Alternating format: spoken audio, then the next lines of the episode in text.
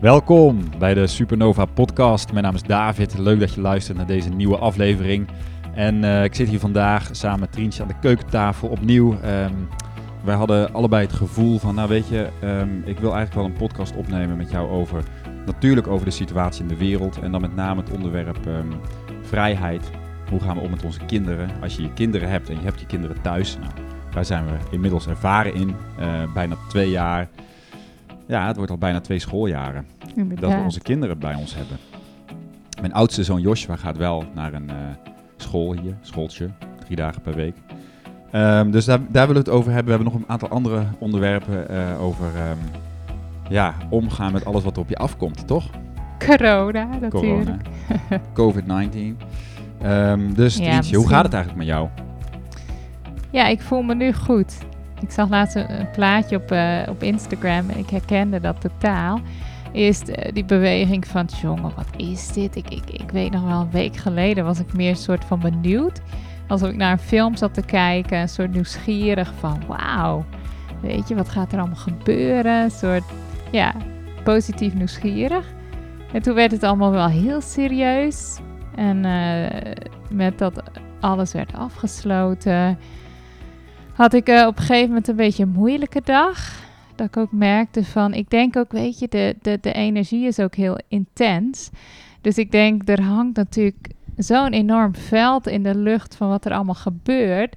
Ik had dus uh, één ochtend dat ik super duizelig was en dat ik gewoon niet uit bed kon. En dat ik gewoon een dag ja, in bed heb gelegen.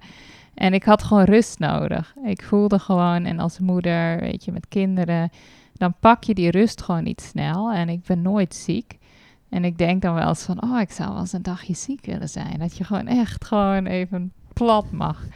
Dus nou ja, dat heb ik You deze week gedaan. Maar toen voelde ik ook wel, toen heb ik op een gegeven moment best wel veel zitten lezen online. En toen had ik een beetje zo'n, ja, een beetje zo'n downdag, wat ik van veel mensen hoor. Hè? Dat je dan toch een beetje meege... Of ik, heel vol hoofd. Heel vol hoofd. En Ja. ik merk van, oh ja, Maar om even de situatie te schetsen. Kijk, wij ehm, wonen op Bali en hier is Ja. het ehm, eigenlijk tot vandaag. Het gewone leven ging gewoon door. De Balinese scholen zijn wel deze week al dicht. Ehm, maar ja, er was eigenlijk niks aan de hand. Het enige wat tot Ja, ons kwam was de- natuurlijk wat er wereldwijd gebeurt. En wat ons raakte direct was het vliegverkeer ja. en visumsituatie waar ik mee zat. Ja, ik denk dat daar ook een stukje van die stress bij mij toch eh, vandaan kwam. Want wij moeten een visum hebben om hier te verblijven. En ik had mijn visum twee weken geleden verlengd met twee van de kinderen. Omdat wij op een andere datum binnen zijn gekomen in de zomer. En David die had zijn vlucht staan voor deze week. En dat werd allemaal geannuleerd. En we wisten ook van als je hier dus blijft zonder visum... dan betaal je 60 euro per persoon per, per dag om, om te blijven. Dus we hebben heel creatief moeten zoeken naar een oplossing. En die is Ja, er- ik, dacht, ik dacht meer van, nou ja, ik had natuurlijk... Het, grappige is natuurlijk dat dat geldt voor alle mensen die hier... en waarschijnlijk ook in Ja. andere landen... je gaat kijken van hoe raakt het... Het raakt iedereen, dus hoe Ja. raakt het ons? Was, eh, en andere van onze vrienden hier... en de community hier in Ubud en over Bali... van oké, ehm, visum is een probleem. Hm. Eh, wat gaat de Indonesische overheid doen? was allemaal heel onduidelijk. En ehm, nou, ik heb besloten om niet naar Kuala Lumpur te gaan... terwijl mijn vlucht wel ging. Omdat ik ook vrienden had die daar vast zaten... Ehm, misschien dat ik achteraf gezien wel heen en weer had kunnen vliegen, maar het was te onzeker voor mij. En ik denk, nou ja, wat ik dan wel doe is niet zomaar afwachten. En dat ik kijk van, het is ook een moment om te kijken van wat zijn de mogelijkheden. Dus ik ben wel heel erg in mijn netwerk gaan duiken. Ik ben met mensen gaan praten ehm, in een Facebookgroep waar we in zaten met de andere experts. Wat kun je doen? Hè? Dus uiteindelijk ehm, via via toch een contactpersoon gekregen die ehm, voor ons een visum kon verlengen zonder dat ik het land uit hoefde. Ja, en dan doen. Ja, ik zit te denken van ergens... Mijn visa run twee weken geleden had ik een heel vreemd voorval dat ik aankwam en ik moest mijn visum kopen. En ze hebben daar altijd van die geldautomaten staan. En allebei mijn passen waren geblokkeerd. Dus ik kon nog niet binnen en ik kon dat visum niet kopen. En David heeft toen vervolgens anderhalf uur zitten bellen met de bank. En ik kon wel een gratis visum van 30 dagen, die kon ik dan niet verlengen. En ik ben bijna erdoor gegaan, omdat het was s'avonds om 11 uur. Isa die lag op de grond te slapen. En ik dacht van, jeetje, weet je, dit gaat hem niet meer worden. En toen zei Joshua ineens, nee, papa appt. Stop, mama, stop. Hij heeft toch een optie. Dus ik weer wachten. En Ja. toen ineens hadden ze mijn creditcard gedeblokkeerd vanuit Nederland. Nou ja, en ik, ik, ik weet nog dat gevoel dat ik gewoon dat apparaat zo, dat geluidje hoorde van trrrr, dat dat geld eruit kwam. En ik zei tegen David, het was zo'n hectische avond. En toen voelde ik de volgende dag even van wat, wat voel ik voor boodschap daarin voor mij. En toen voelde ik heel erg van wauw, weet je, ergens ten diepste komt het op een of andere manier goed. Ik was bijna erdoor gegaan met zo'n 30 dagen ja, dan had je fietsen nu een probleem gehad. had Nou ik ja. nu een probleem. Of nou ja, hè, dat was best een uitdaging geweest.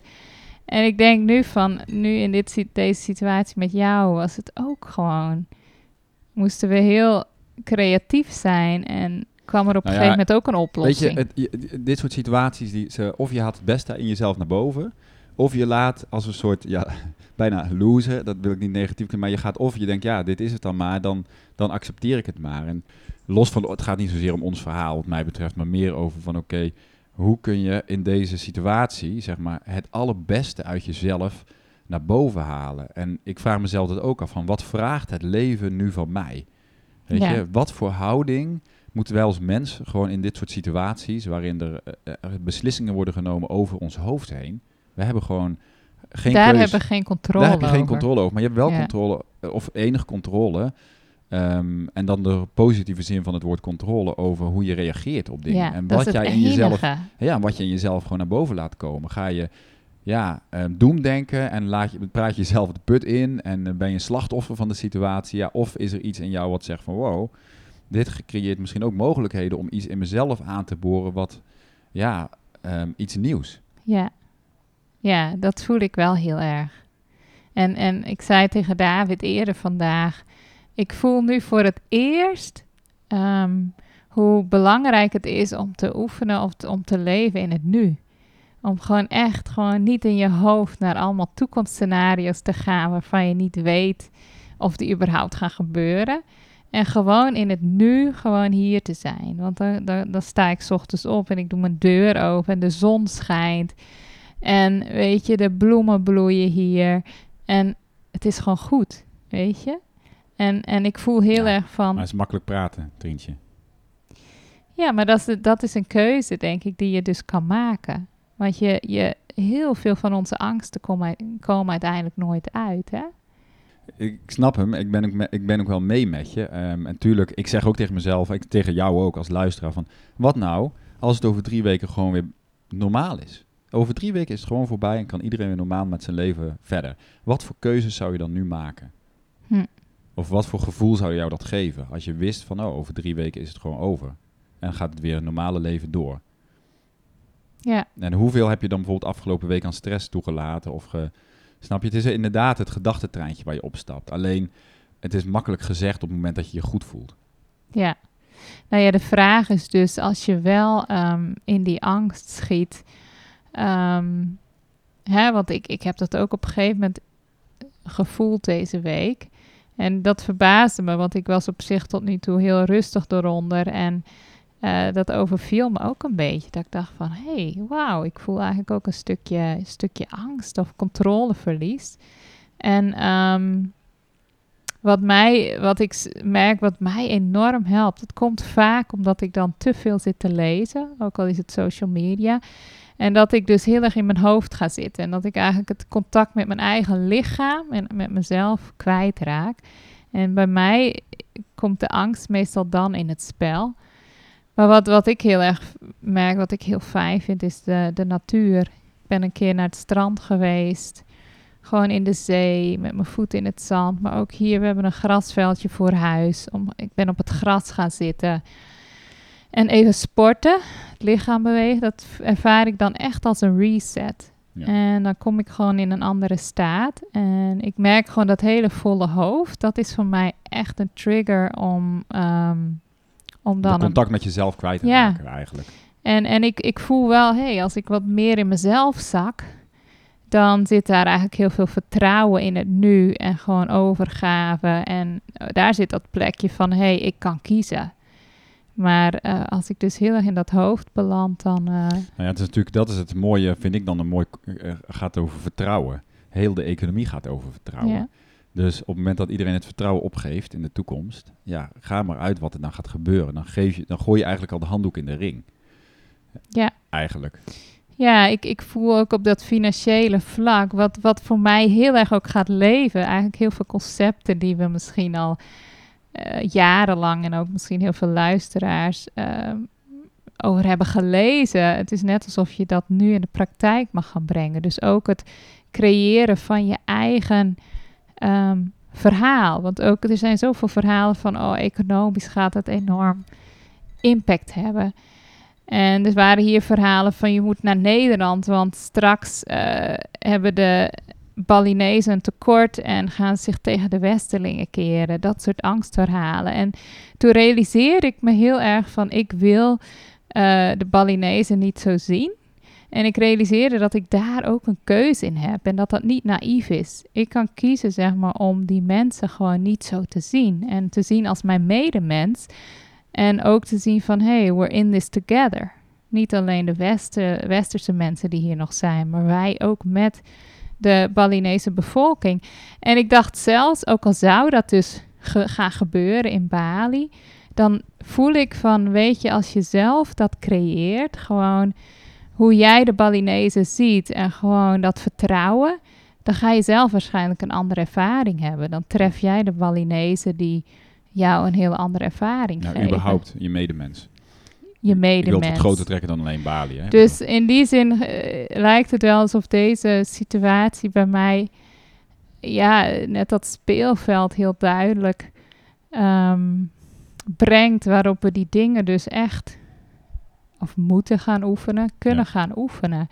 En ondanks dat heel veel mensen gaan zeggen, oh, de economie dit, de economie dat. Ik geloof dat mijn bedrijf ook kan groeien. Weet je, als je dus dat allemaal gaat geloven van ik kom in een crisis, dan word je onderdeel van dat creatieproces. De negatieve creatie. De negatieve creatiespiraal, collectief. En dan gaan ook mensen hebben die dat dus helemaal niet gaan ervaren. En ik denk dat dat heel erg te maken heeft met eh, je keuze van hoe kies jij om hier nu in te staan en ehm, wat kies je om te zien. Ja. het is interessant. Ik was een... eh Teal Swan had een video, een vriend van mij stuurde een video van Teal Swan door.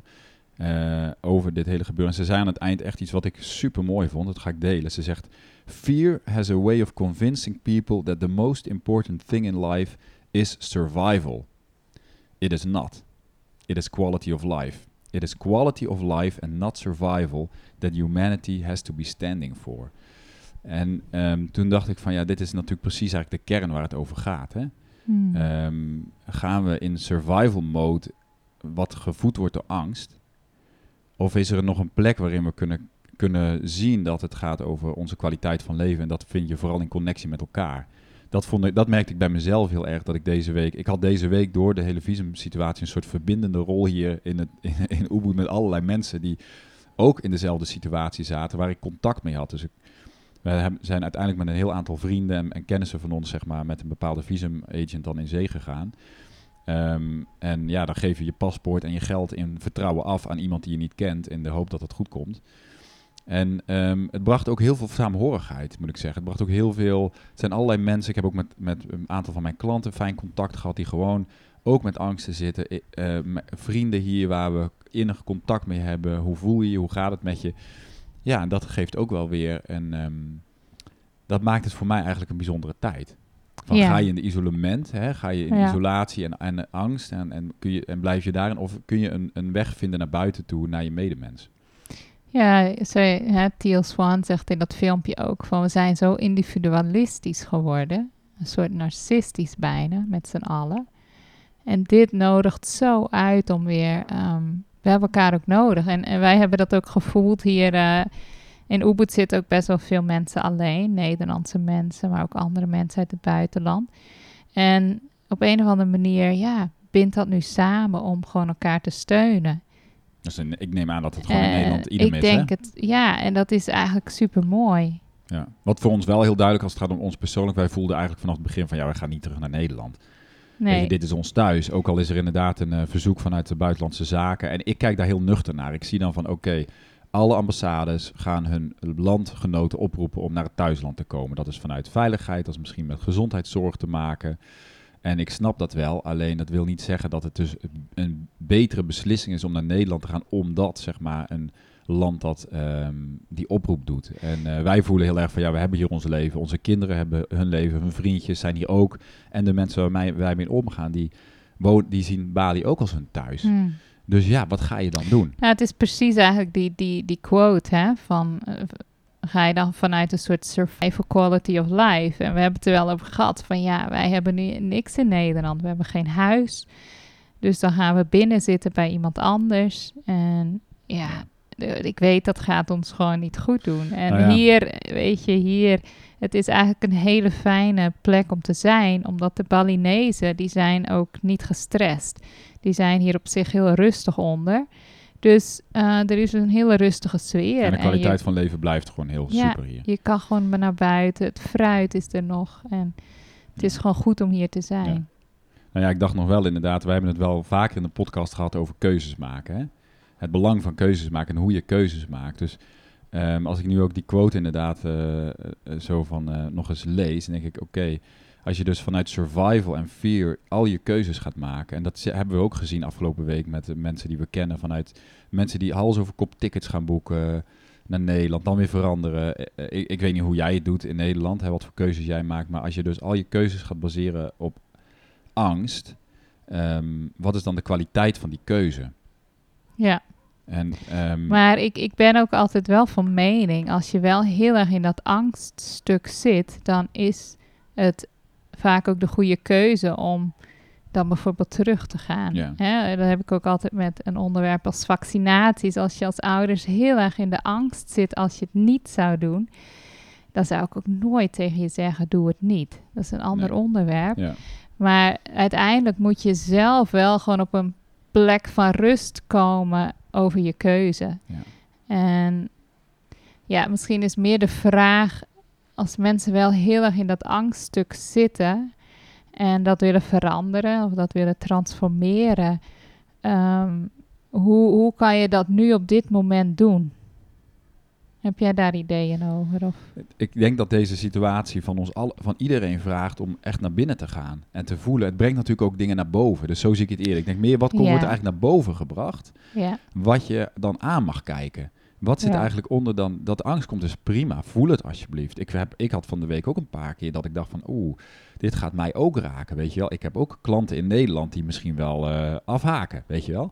Of ehm, ja, niet, niet doorkomen. En ja, weet je, dan kan ik dus kiezen om daar heel veel energie naar te sturen. ja, Eh, maar kan ook kijken van, god, daar, wat zit daaronder dan? Voel je eigenlijk niet meer de support die je anders wel altijd voelde? En wat Ja. is er dan nu veranderd? ja, Snap je? Dus ik vind dat wel, ja, dat is wel een mooie vraag, vind ik ook, om te voelen van, oké, ik voel als er een angst zit of boos, ik voelde trouwens ook boosheid op een gegeven moment. En naar de Ja. overheden van wat ze fucken met ons, weet je wel. Dan gaan ze dus dit soort maatregelen nemen voor een relatief, hè, dan kun je vinden van, hè, ik, wil niks aan afdoen, maar, maar al dat, ik denk, ja, dat mag ook zijn. Ja, als ik ja, boosheid voel absoluut. over, ja, maar hallo hé jongens, kijk eens even wat jullie wereldwijd nu voor elkaar krijgen. Maar goed, we hoeven ook niet op de zaken vooruit te lopen, want over drie weken is het misschien back to normal. Hè, Maar, dus, maar ja. ik dacht wel van, het, ik vind het wel mooi om gewoon bij mezelf te ontdekken. En interessant ook van, oké, nu voel ik echt boosheid. Of nu eh, voel ik echt, eh, we hadden één moment, dat was ook interessant, dat had ik met mijn ouders gebeld. En prima, maar ja, dan krijg je toch natuurlijk allerlei verhalen te horen. En, dan, en later dacht ik, dus, eh, wij lagen op bed, toen zei ik van, ja, ik krijg een beetje zo'n apocalyptisch gevoel. Alsof dit het dan het einde is of zo. En dat slaat natuurlijk helemaal nergens op. Dit is niet het einde, dit is een nieuw begin. De aarde gaat zich resetten. Ja. Maar Weet ik denk dat we allemaal ontdekken van eh, eh, uiteindelijk hebben we weinig controle. Ja, het enige is de controle over onze eigen emoties en hoe wij reageren op een situatie. Maar weet je, ik denk ehm, ook mensen. Kijk, Nederland is natuurlijk, we hebben een prachtig land gebouwd, ook met veel zekerheden. Maar uiteindelijk ook met banen, al heb jij een vast contract door zoiets kan je bedrijf omvallen, weet je, en kan je toch je baan verliezen, bij wijze van. Nou ja, er wordt heel veel geld in de economie gepompt in één keer. Hè, dus misschien komt er- dat zal zich ook toch in één keer geld. oplossen, maar ik denk wel een soort besef van wauw, ja, waar zit zekerheid? Zekerheid zit, zit vaak niet in iets buiten jezelf. Hè, Ja. dat zit uiteindelijk in je. En ik denk, wij zijn misschien, eh, we hebben niet een gemakkelijke weg afgelegd, zeg maar. We hebben daarin ook echt onze uitdagingen gehad en nog steeds wel. Ook met eigen ondernemerschap en het, het verlaten van Nederland. En eh, nou, ik denk, we hebben wel een beetje die spier getraind om om te gaan met onzekerheid buiten ons. En eh, dan een soort van toch van binnen een plek van overgave en rust te vinden en vertrouwen. En ehm, dat blijft een oefening. Hmm. Maar ik denk, hè, wij hebben natuurlijk in Nederland een maatschappij gecreëerd waarbij dat bijna lijkt alsof dat niet meer nodig is. En ik denk, wauw, weet je, het is eigenlijk heel mooi om te zien van, ehm, daar ligt zo'n schat, daar van binnen. Hmm. Want dat is een plek, als je daar komt, dat schudt niet zo. En eh, dat zegt niet dat je daar altijd, zeg maar, kan zijn en die basis kan voelen. En misschien vlieg je er af en toe uit en dan voel je even angst. En dat is helemaal oké. Maar dat we leren om gewoon toch die plek in onszelf te vinden. Weet je, ik dacht deze week bijvoorbeeld aan, ja, dat is natuurlijk extreem, maar mensen in de kampen in de Tweede Ja. Wereldoorlog. En ik dacht aan Corrie ten Boom. Ik weet nog dat ik als twaalf, daar kan ik nu bijna emotioneel van worden, weet je. Ik was als twaalfjarig meisje zo geraakt door dat boek. Hmm. Dat heeft me toen zo geraakt dat die vrouw in die omstandigheden nog steeds koos hoe zij wilde reageren. Hmm. Dan denk ik, fuck, weet je, daar. Hmm. Gewoon als iemand, zeg maar, alle redenen had om gewoon boos te zijn en bang en gefrustreerd en het op te geven, dan was zij het wel. En zij Hmm. koos nog steeds haar reactie. Ook daarna, weet je, en de rest van haar leven. En weet je, dit, ja, dit is dan peanuts Ja, vergeleken met wat zij heeft meegemaakt. Maar ergens dacht ik daar ineens aan van ja, nou, een... wij hebben altijd een keus. Hè? En zij had dan haar geloof, zeg maar, als, als honk vast. Hè? Maar of het nou God is of hoe je dat maar invult. Ik denk, in ons kunnen we altijd zo'n rots vinden. Hmm. En eh, en van daaruit kiezen hoe we eigenlijk willen, wat we willen zien. Ja, wie we willen zijn als mens. Ja, Ja, dat vind ik ook mooi. Dat ik denk van ja, dit is bij uitstek een tijd om. ehm, en dat gebeurt ook denk ik wel. ehm, voor zorgen voor elkaar en het, het- ja, het beste in jezelf naar boven halen. Maar dat moet dan vanzelf zeg maar zichtbaar worden eigenlijk.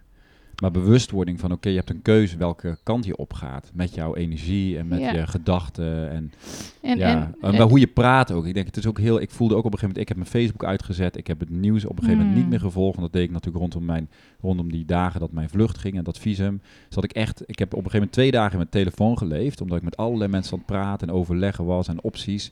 En op een gegeven moment zei ik daarna, weet je, ik ga mijn Facebook afzetten. Ik hoef het allemaal niet meer te weten. Ik hoef ook geen mening te hebben over waar het vandaan komt. Over de hele gebeuren. Hoeft allemaal niet meer. En eh, dat gaf mij ook rust. Ik denk, ja, het is ook waar voed je je mee. Hè? Ja. Dus er zijn echt wel een paar praktische dingen die wel belangrijk zijn. Ik wil ook wel globaal weten wat er nu gebeurt in de wereld. Maar al- je kan daar zo diep in gaan. En ehm, ook het alternatieve nieuws is niet altijd een goede. Ja, er zijn natuurlijk allemaal conspiracy Ja. theories en, en daar kunnen dingen totaal van waar zijn. Maar ik zeg altijd tegen David, ja, ik, ik word er gewoon Geeft niet blij vreugde, van. ja. Dus ik, ik wil daar niet hele dagen over nadenken waarom dit er ineens is. Want ja, ik voel dan, ook al zou dit een, een, een slechte agenda zijn, dan geloof ik nog dat, eh, dat daar heel veel goeds uit voort kan komen. En, Ja, en wat helpt het je nu? Hè? Dat is ook de vraag. Van, eh, wat, wat, wat heb je er nu aan? Hoe, hoe is het helpend bij de keuzes die je nu moet maken? Of bij hoe je je nu voelt? En dat, is uiteindelijk de, de- dat zijn uiteindelijk dan de belangrijkste Ja. zaken. Dus er zijn ook prachtige dingen te lezen, gewoon nu in deze tijd, over hoe je dus hierin kunt staan en jezelf er doorheen kunt dragen, je, de mensen om je heen. En eh, ik denk ook de natuur, dat denk ik nog steeds, weet je. Ga ook al, Moet je mag wel naar je buiten niet mogen. echt naar buiten, ja, je mag volgens mij best de natuur in. In Nederland nog wel. Sorry, ik had even een kuchje. Zou dat eh, iets betekenen? nou, dan ben je binnenkort immuun. Ja, dat is het goede goed. nieuws. En het grappige is, ik ben daar dus echt... Ja, goed, weet je, ik ben altijd vrij En maar dat zijn we dus als Nederlanders allemaal, vrij nuchter. Totdat dus het hele land op zijn kop staat. En dan, dan langzaam creept het zo zeg maar naar binnen, weet je wel, van waar gaat het heen. En, eh, maar misschien, ik, ik verwacht eigenlijk wel dat bijvoorbeeld komende week... dat er dus een soort ehm, wave... Je hebt dan eerst een beetje de shock van... Jezus, wat gebeurt hier allemaal? Ja, Nou, en dan komt op een gegeven moment even van... Oh, help. Eh, waar gaat het heen? En dan vinden mensen wel weer een modus om, zeg maar... ehm, ik- collectief gewoon het leven door te gaan. Want zelfs in de Tweede Wereldoorlog ging het gewone leven ergens... Op een gegeven moment ging het leven ook door. Mensen Ja. moesten ook eten en werken. En weet je, dus... ehm, en het is gek om het toch te vergelijken. Een aantal keren moest ik wel denken aan die oorlog. Dat ik denk, ja, als jij dus... Als je dus in Spanje of Frankrijk woont en niemand mag de straat op en er rijden legervoertuigen over de straat en je krijgt een boete als jij op straat komt, dat is natuurlijk te bizar voor woorden. Dat is echt Ja. super bizar. En ehm, maar nog, Maar ja. inderdaad, je kan er het beste van Dan kun je maken nog als steeds- je binnen zit. ja, Het precies. kan een geweldige kant zijn. En oh ja, we wilden ook praten Ja. over het nu thuis zijn Laten met de kinderen. Want wij, eh, ik las net een Facebook-post van een, een, een reizende Zuid-Afrikaanse kennis. En die had een rant. Zij, re- reist al een jaar ook met haar kinderen. Dat ze het zo lastig vond is om al die klachten te zien van die ouders. Van oh help. En al die paniek van de ouders van ik zit nu met mijn kinderen thuis. En toen dacht ik, oh, dat heb ik ook gevoeld. Maar ik weet nog, toen wij net gingen reizen, anderhalf jaar geleden, de eerste drie weken zaten we fulltime met de kinderen. En dat ook echt dachten, oh, help. Dat vloog ons echt aan. Ja, en toen hebben ze een, een maand naar de school gebracht. Duizend euro betaald voor drie kinderen. Omdat we dachten, ja, we kunnen niet werken. Weet je, we kunnen niks. En dat is totaal veranderd. Ja, want dat is Weet je, we hebben nog nu? steeds, ik voel nog steeds wel eens, ik word er nog steeds wel eens moe van. Maar ja, als je kinderen hebt, dan is dat ook een energie-output. Dat kan niet anders, weet je. Maar ik merk wel dat er veel meer, kijk, dat is misschien ook het ding. Op school worden ze natuurlijk eh, ge- gevoed, hè. Dus ze moeten daar gewoon zitten en iemand anders voedt de kinderen. Dus de kinderen zijn vaak ook een beetje passiever. En ehm, ja, dat, dat merk je dan in die, die eerste fase. Maar ik merk dat wij nu veel ontspannender thuis kunnen zijn met elkaar. Dus wij kunnen ook gewoon ons eigen ding doen. Iedereen is meer gewend om ook gewoon bij elkaar in zijn eigen eh, energie te zijn. Ja. En, maar ik Nou ja. weet nog wel de paniek van die eerste drie weken. En daar moest ik aan denken nu ik al die ouders zie. Die panieken. En tegelijkertijd denk ik, wat hebben we dus voor een maatschappij gecreëerd? Bizar. Dat dit is nu... Nou ja, ik denk nu wel eens, ik weet natuurlijk is. niet wat er achter de huizen dan gebeurt, maar ik denk ja, als je dus allebei fulltime werkt en je hebt je kinderen heel dag op school en misschien zijn en er is dus al een soort stresssituatie waarin mensen onzekerheid voelen. Nou, ik hoop dat het een beetje gezellig blijft bij de mensen thuis. En dat weet ik natuurlijk niet, want ik kan bij niemand achter de ramen, achter de deuren het hoeft kijken. ook niet altijd gezellig te Het- zijn. nee, oké, maar ik denk wel van, eh, ehm, ja, daar leef ik dan ook wel een beetje mee mee. Dat ik denk van, oh ja, dat was voor ons ook een heftige periode die eerste weken. Maar nu, kijk, als ik dan even gewoon kijk naar hoe het nu is en dat ik denk van, wauw, wat een band ik met mijn kinderen voel, zeg maar. En wat, omdat we zo, zoveel samen zijn, wordt het ook veel normaler om elkaars energie te hebben. Ja, mijn band met mijn kinderen is eigenlijk nog nooit zo goed geweest. Wat niet wil zeggen dat we nooit een conflict hebben. Alleen de, de vertrouwdheid van elkaar dicht bij elkaar zijn. Dat is het meer. En Ja, weten wat er in echt, elkaars echt leven... als unit functioneert. En dat zegt niet dat er geen ruzies zijn, want die van ons kunnen ook echt ruzieën. Maar eh, weet je, ik denk het, het, de maatschappij zoals die nu opgezet is, die trekt gezinnen op een bepaalde manier ook wel echt uit elkaar. Hè? Dat kinderen gewoon, iedereen heeft echt zijn eigen leven. Dus de vader gaat naar het werk, de moeder. De kinderen hebben allemaal hun eigen klas met hun eigen naschoolse dingen. En dan in het weekend kom je even bij elkaar, maar dan heb je nog allemaal je eigen ding. Dus de momenten dat je echt gewoon samen bent en een eenheid vormt, die zijn er niet heel veel. Hè? Vaak gelukkig in Nederland nog wel bij de avondmaaltijd. In Amerika doen ze dat ook allemaal overal. Maar Bij ons is dat ook al behoorlijk op losse schroeven, maar goed. ja, ja, precies. Nou, dat is nu, nu we dus meer thuis eten wel. En anders eten we natuurlijk buiten de deur ook wel samen. Maar ehm, ik denk dat het heel interessant is gewoon om te kijken van, ja, hoe... Dat is ook een manier hoe we de maatschappij hebben gecreëerd. En wat doet dat nu dus als we dus wel gedwongen Ja. Veel meer gewoon bij elkaar moeten zijn. Ik vond En zag van die leuke memes over Raak je dan homeschooling. burn-out Nu, van je opeens, eigen kinderen? nu mag je opeens wel home, nu moet je homeschooling doen. Maar ik denk dus, als ik daar even over mag praten, ik zie natuurlijk ook die berichten van Nederlandse mensen. Waarschijnlijk krijgen de kinderen huiswerk mee van school. Maar Ja. mijn eerste reactie was, mensen, laat alsjeblieft die controle eens los en ontspan een keer. Je bent twee weken of drie weken thuis. Ga allemaal niet zitten pushen om Ga je kinderen bakken. Dat ze allerlei dingen moeten. En ik, laten we ze niet belasten met elkaar. Ehm, of in ieder geval niet meer dan nodig is. Weet je, als er huiswerk van school is, oké. Maar geef elkaar ruimte en ehm, ja, probeer te ontspannen. Weet je, als er dan één ding is wat ik dan eh, zelf heb geleerd in mijn, afgelopen, in mijn reis van de afgelopen paar jaar met de kinderen. Het loslaten van de controle over hoe, hoe wij vinden of hoe ik vind wat de kinderen moeten doen en leren. En het gewoon veel meer ver- verantwoordelijk bij hun leggen, maar ook niet, ja, niet meer in de belerende of controlerende rol stappen. Om dat echt los te laten. En ik zie nu hoe de ontspanning die we daarmee oogsten eigenlijk nu bij onze kinderen is gewoon echt zoveel waard voor mij dat ik denk, wauw. Maar dat komt misschien ook omdat jouw eigen visie verandert. Want ik merk van, oh ja, wat is leren? Hè? Want ze krijgen natuurlijk heel veel spullen mee naar huis nu.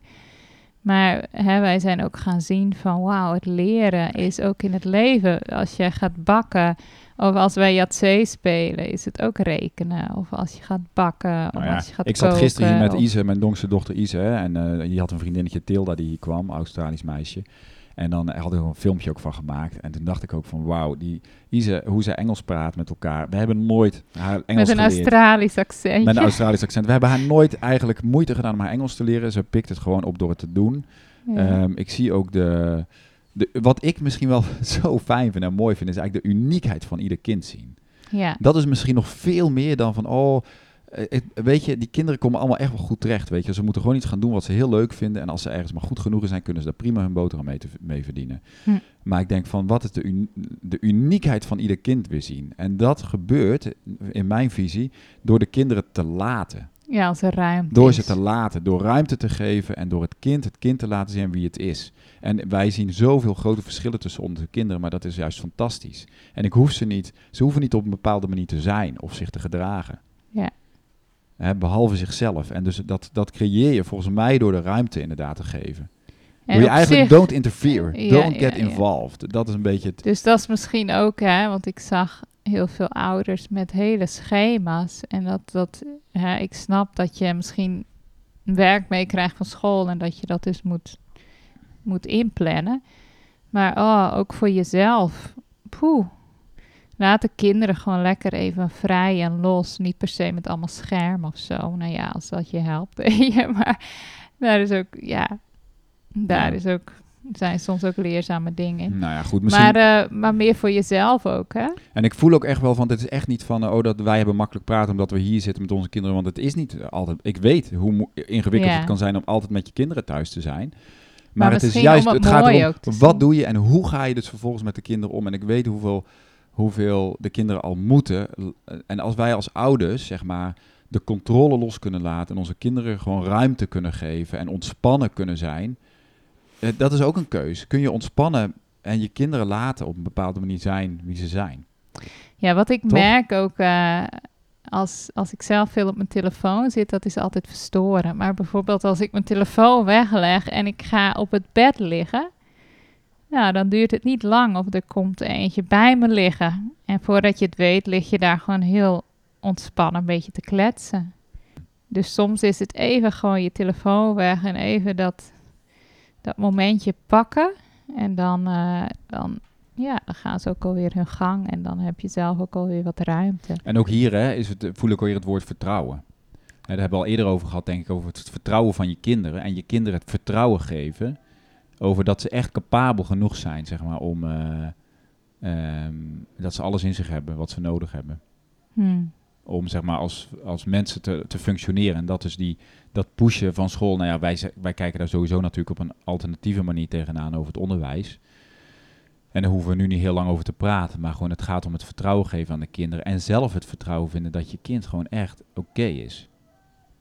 Ja, want daar, ik betrap me daar nog wel eens op hoor. Dat ik dan ook eh, niet altijd vanuit dat vertrouwen kom. En dan leg ik dat eigenlijk op ze. Dus ik merk wel van, oh ja, dat is ook weer iets wat je creëert. Als je gewoon in je kind gewoon het, het goede kan zien, dan haal je dat ook naar boven. En uh, dus ik, ik spreek ook tot mezelf. Ja, nee, Ja. maar dat is ook zo. Goed. Ja, Ehm, we're in this dus together. ja, kijk, ik weet niet. Ik, ik, ik denk ook wel eens van, dat is ook een vraag die ik dus mezelf stel van nou, en ik zei dat net ook, hè, van wat als nou over drie weken gewoon allemaal gewoon weer normaal wordt?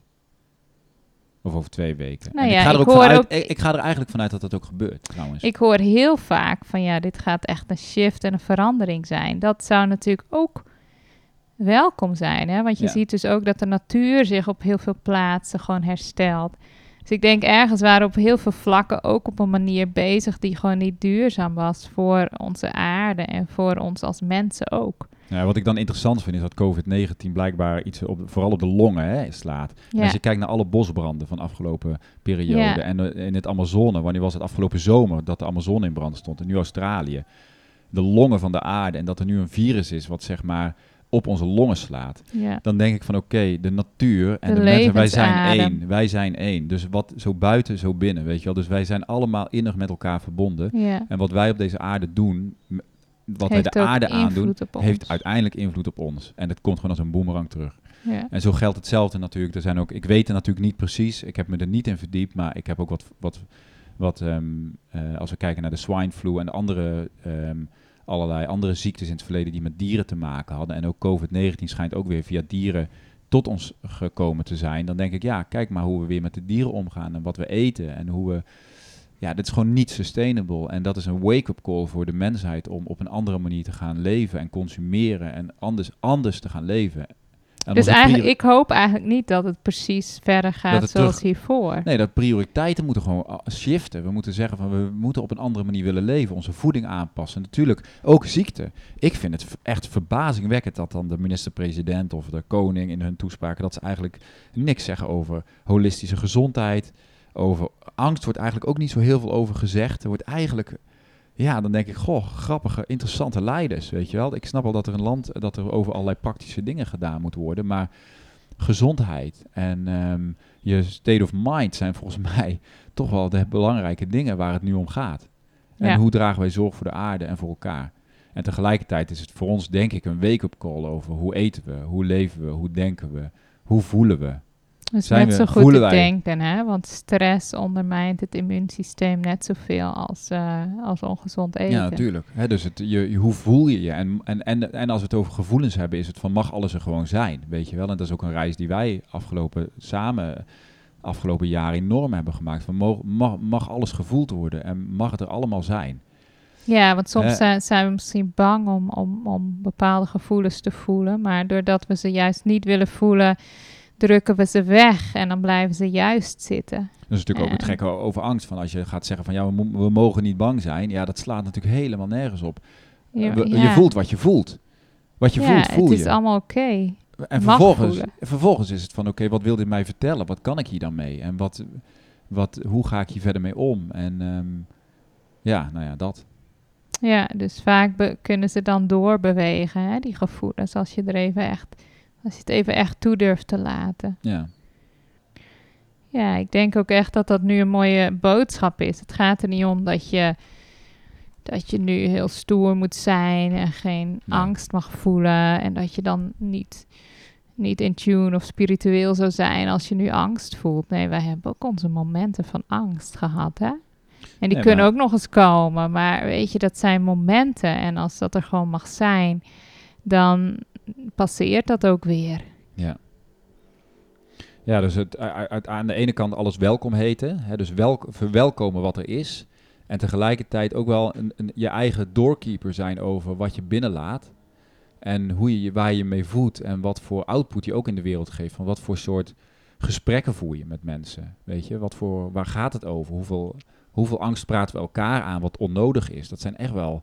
Wordt Ja. denk ik heel veel onbewust gaan we Ja. dan met elkaar meepraten. En ik denk, wauw, je kan nu juist ook een stem zijn van... hé hey, jongens, wij kunnen gewoon kiezen hoe we Ja. hierin staan. En hoe we ons ja, ook grotendeels van de tijd voelen. Ja, En daar heb je zelf alle invloed op. Dus het is ook een heel mooi moment om te ontdekken hoeveel kracht je eigenlijk hebt. ja. Hè, als je daarbij kan komen.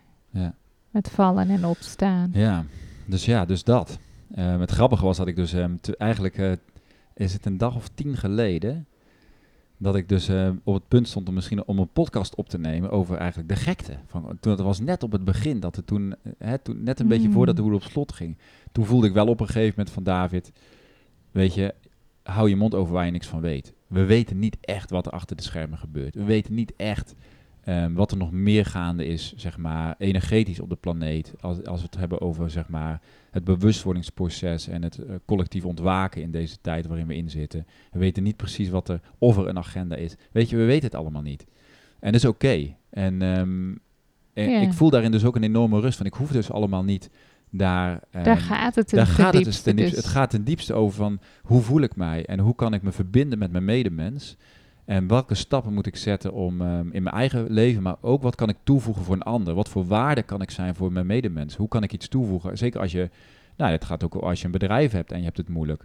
Wat kun je toevoegen? Waar is er behoefte aan? Hoe kun je de verbinding aangaan met anderen? En ehm, ja, dat zijn hele mooie dingen. Dat zie ik wel heel veel gebeuren. Ook mensen die gratis dingen aanbieden en hun licht echt laten schijnen. En dat, dan denk ik weer aan die Corrie ten Boom in haar situatie. Die heeft zoveel mensen gezegend. En dan denk ik, wauw, ja. dat kunnen we zijn. Mooi. ja, dus ehm, is er nog meer wat je wil kwijt wil of wat je wil belangrijk Nee. vindt? Nee, genoeg over corona. Alles, alles kan zich ten goede keren. Dus ook dit. Het kan eigenlijk een hele bijzondere periode zijn. Dat je kinderen zeggen van, weet je nog wel, toen. Weet je, wij hier in Bali hebben ze een feestdag die heet Nyepi. Dat is het Komende nieuwjaar. woensdag, Komende woensdag. En dan leggen ze alles, alles plat, normaal gesproken. Dus vorig jaar waren we hier. Zelfs eh, elektriciteit, internet gaat eraf. Het vliegveld gaat vliegveld gaat dicht. Je mag niet op straat. En eh, heel bizar, dat lukt gewoon zo'n land. Eh, Nou ja, nu denk ik van wauw, dat lukt bijna overal ineens. Maar we krijgen een wereldwijde njeppie. ja, maar dat vond ik zo bijzonder dat het überhaupt lukte. Maar onze kinderen hebben het nog steeds over die dag. Want wij konden geen moment op internet. We konden dus niet werken. We konden ook niet. We zaten niet op onze telefoon. We hebben alleen maar spelletjes Volgens mij gedaan. regent het ook heel de dag. En Het regende. We hebben warme chocolademelk gemaakt. We hebben een beetje gekletst. En dat, daar hebben ze het nog over. En ik denk, ja, dat, in principe kunnen we dat nu ook doen. Ik hoorde trouwens dat dit jaar op Nyepi... dat ze internet erop houden in verband met corona. En dat vond ik eigenlijk zo jammer. Want Ja. eh, dan moet je echt sterk zijn Ja. om gewoon het weg te leggen... en een hele dag niet te Ja. kijken. Je Maar, kan het hoor, eh, ik geloof in je. Volgens mij ja, kan je ik het wel. denk dat ik ervoor ga. Ja, doe dat. Want dat is zo, dan ben je echt in het moment en gewoon, dan is je focus zo anders. En ik denk, ja, dat kan nu ook op een bepaalde manier. En op, dan kunnen we nu ook een ervaring creëren waarvan onze kinderen later zeggen van, ja, weet je, dat virus. En toen konden we nergens heen. En niet van, oh, papa en mama werden gek. En dat is ook oké als je dat natuurlijk af en toe voelt. Maar eh, ook het mooie wat daar, wat je kan creëren met elkaar. Nou, mooi. Ja. Ja, dus ik ben wel uitgepraat. ik ben ook uitgepraat. Ehm, wil je meer weten? Ehm, wil je contact met ons? Stuur me een mailtje naar supernova.davidpieters.com. Wil je begeleiding? Heb je verlangen om je kinderen langere tijd uit school te halen? Wil je misschien naar het buitenland? Ehm, zoek je naar manieren hoe je dat kan doen? Nou, ik hoor graag van je en eh, misschien kan ik je daarin assisteren. Kijk even op mijn website davidpieters.com als je wat wil weten over mijn werk. eh, wat ik misschien voor jou kan betekenen of niet. En je kan ons volgen op sociale media. Mhm. Ehm, en ehm, Maak er wat moois van. even kijken. Ja, ik denk dat we het hier even bij laten. Genoeg gezegd. En eh, wat ik altijd vraag, eh, heb je van deze podcast genoten? Ehm, zijn er andere afleveringen waarvan je zegt, oh, die ken ik wel iemand die daarmee eh, geholpen zou zijn? Nou, ik waardeer het altijd als je de podcast deelt met een vriend of vriendin. Dat is een beetje hoe deze podcast aan luisteraars komt en hoe we organisch groeien. Eh, dus dat vind ik altijd eh, fijn als je dat doet. Je mag ook een review achterlaten bij Apple iTunes. En ehm, dan bedank ik je voor het luisteren. En eh, wens ik je nog een hele fijne week. Maak er wat moois van. Dankjewel, Trientje. Graag gedaan.